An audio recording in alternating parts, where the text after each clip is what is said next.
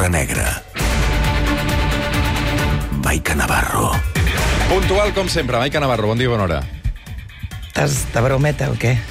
M'han dit que uns oients ahir et van preguntar si dormies amb sac de dormir a, a les instal·lacions de Catalunya Ràdio. Uns oients no, un dels directius de la casa. Ah, sí? Sí. Veus que no estàs mai ben informat? Qui era? És que no sé com es diuen. Però, doncs així no mana- puc però, ajudar. però manen. El director?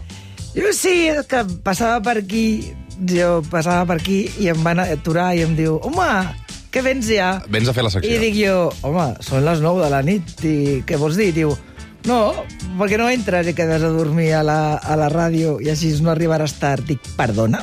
Per què dius això? No sé, com aquest... eh, A les capes sempre et diu que arribes tard, dic, però és que és mentida, és una llegenda. Home, I Mentida, mentida. ja em va dir... Diu, què et semblaria que passar? Quedes a dormir aquí als sofàs i que demà quan vingui la aquí... Juliana Canet crec que el Dia Mundial de la Ràdio es va quedar a dormir pels sofàs aquí. Bueno, jo m'he quedat a dormir moltes vegades a la redacció, eh? Tu perquè ets unes Com la Melero, sense com, esperit. com la Melero, que dorm a TV3 els dies Els que... dies de marató. Sí, sí, sí. Sí, Li la, la Melero és única. Li munten un camerino allà que... Però amb llit. Sí, sí, tant, amb llit, amb llit. Tu no t'has quedat a dormir mai. Quin Jo- és el lloc més, més estrany on, ha- t'has- on has dormit? Ara farem l'eclipsi, tu i jo. El Per cert, no m'has el convidat lloc, mai a l'eclipsi. el lloc més Tens- estrany Tens on- por, no?, de convidar-me a on he l'eclipsi. dormit. Vinga, va. Al ras. Bueno, per favor, a veure... A veure, oients de Catalunya, eh, parem màquines. No, ha 10 i dormit, 5, va, tira, Ha dormit al ras.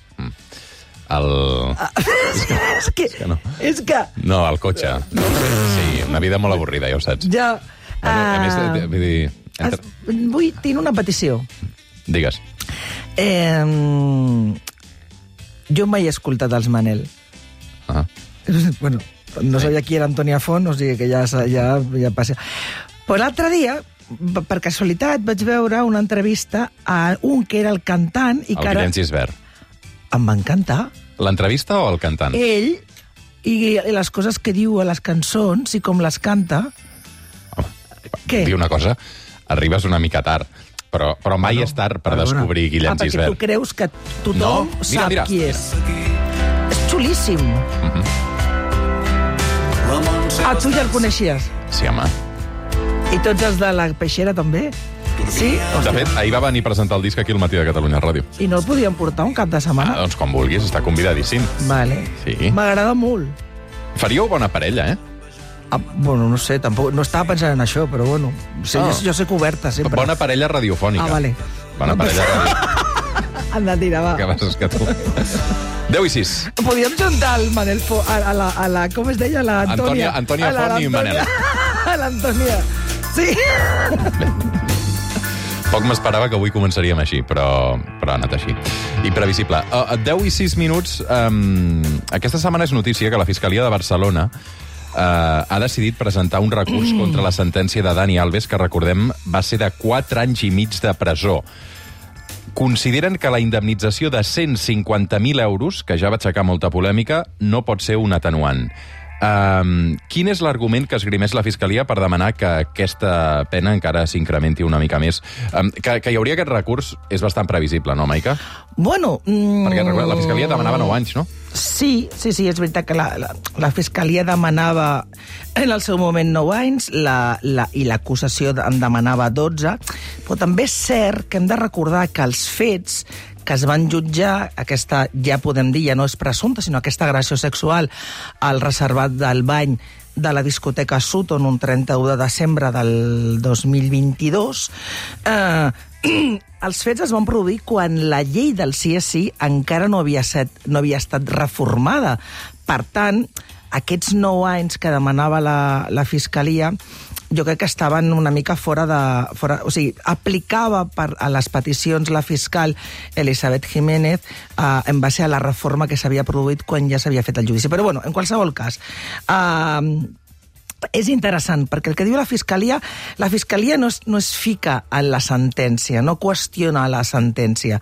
El que sí eh, discrepa la fiscal és que el tribunal eh, faci servir l'atenuant de reparació del dany a la víctima eh, rebaixant aquesta condemna, eh, rebaixant la condemna. I la fiscal farà un recurs molt tècnic en el que qüestionarà aquesta reparació. És a dir, durant la instrucció i abans del judici, l'acusat, Dani Alves, va dipositar en un compte 150.000 euros que la magistrada instructora mm, doña Concha, eh, va, va, va, va fixar en aquests 150.000 euros.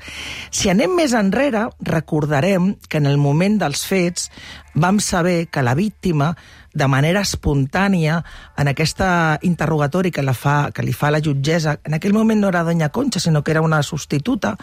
Eh, ella, de manera espontània, li diu no vull diners, uh, perquè ella li, li informa, vostè té dret a una reparació, una reparació, i diu, no, no, no, jo diners no vull. I va ser una, un, insisteixo, molt, de manera molt espontània, i, i la magistral li va insistir, no, no, però vostè com a víctima té dret a una reparació, uh, que ja es valorarà. Diu, no, no, no, no, és que jo no vull diners, vull justícia.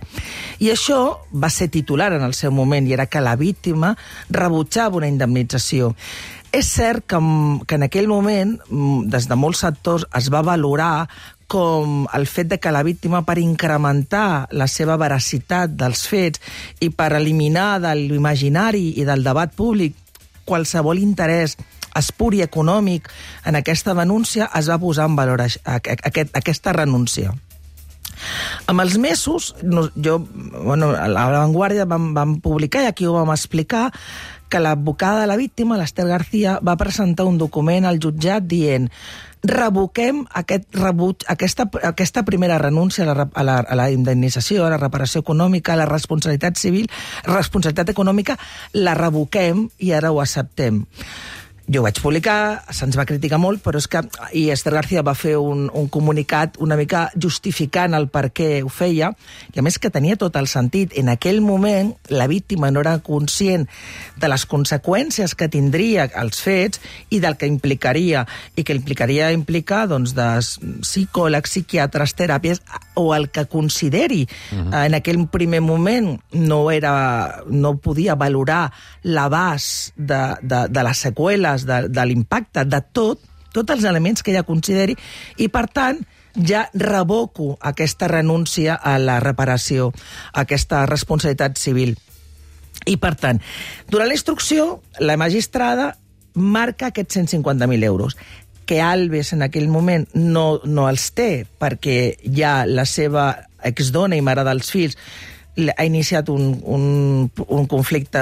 Un, un... Té molts comptes embargats o no, no, no té sí, accés, no? Sí, perquè amb una història de, de, de, dels nens li bloqueja tot el, tot els efectius i, per tant, no té disponibilitat. I aquests 150.000 euros li deixa el pare de Neymar. de Neymar i els deposita. Vale. Durant el judici, l'advocada d'Albes el que explica, ja no només durant el judici, sinó en el seu escrit de conclusions ja diu uh, atu, que, que, escolta'm, si mal, jo dic que, que és innocent i demano l'absolució perquè insisteixo en que les relacions sexuals van ser consentides, però demano com a atenuant, si és condemnat, demano, va, de, va demanar tres atenuants. Un era, un era l'embriagadesa, que no es va, que no es va, no es va aplicar, un altre era la indefensió, que tampoc es va aplicar, i el tercer era l'atenuant de reparació del dany, perquè deia Inés Guardiola, abans del judici he reparat, hem reparat amb, amb, amb, la, amb el depositant aquests 150.000 euros. I què diu, la, què diu ara la fiscal? I què diu també l'Ester García amb el seu recurs? Que dirà, però amb més arguments, no només amb el de reparació, diu escolti, aquí no, aquí no va haver-hi reparació. I, i, i, i afegeix la fiscal. Digue'm, pregunta. No, no, digues, digues. Acaba, no, no, i afegeix. Perquè eh, es va sentir ells interpre... o sigui, no va haver reparació perquè per la seva economia 150.000 euros no suposen res i, a més a més, eh, en cap moment ha, ha mostrat empenedit, al contrari, eh, al contrari va donar una entrevista a La Vanguardia eh, mm. dient que perdonava a la víctima. D'acord. Uh, ara, més enllà d'aquest recurs de la Fiscalia, que veurem com acaba, um, i d'aquests 150.000 euros que ja va... Recurs de la Fiscalia, recurs de la, sí. de la defensa i recurs de l'acusació. Totes les tres parts han presentat recurs. Hi ha Encara no l'han presentat, però les estan Hi ha negociacions en marxa perquè Alves pugui sortir aviat de la presó amb permisos o primer cal aquesta sentència ferma? Bueno, aquí ja no és negociació, aquí ja no, és, aquí ja no n'hi ha negociació Tot allò que té a veure amb els permisos penitenciaris que a ell es pugui beneficiar ell i qualsevol condemnat, només es podran començar a aplicar quan la condemna sigui ferma. I quan pot trigar això? I, per tant, ara és la, eh, els recursos la, els ha de valorar l'audiència la, i, per tant, han de passar mesos. I què passa?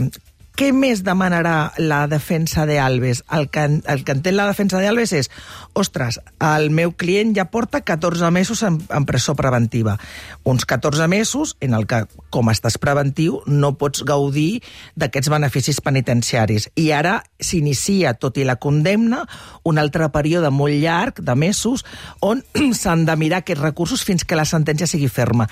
Què farà? Què està elaborant Arenés Guardiola? Un escrit demanant la posada en llibertat immediata de, la, de Dani Alves. Per què? Amb quines argumentacions? Primer, perquè és un home que no té antecedents. Segon, perquè és una condemna de 4, 4 anys i mig i, per tant, eh, ja no hi ha un risc de fugida elevada. Abans, eh, totes les peticions de llibertat havien estat rebutjades les que havia demanat Cristóbal Martell, les d'Arines Guardiola... És que els oients han de saber que jo vaig parlant i tinc aquí un senyor que me va fent gestos amb la mà, que no sé el que em vol dir. O sigui, que acceleri, però no puc anar més ràpida no, parlant. Explica, explica. És que si vaig més ràpida ja, ja, ja diuen que vaig massa ràpida parlant. Explica. Què ha canviat de la situació? Vale, i el que diu és... Ara, abans em dem li demanaven 12 anys, 9 anys, ara està condemnat a 4 anys i mig, el risc de fugida ja no és elevat. Per tant, no hi ha risc de fugida, no té antecedents... Eh, té ha un recuperat domicili, els comptes? Té un domicili fixe, té un, domic, té un domicili fixe, eh, que és Esplugues, on viu la seva dona, i per tant té tots aquests elements que perquè mm, sigui, o sigui, se li hagi de donar la llibertat provisional fins l'espera d'aquesta condemna.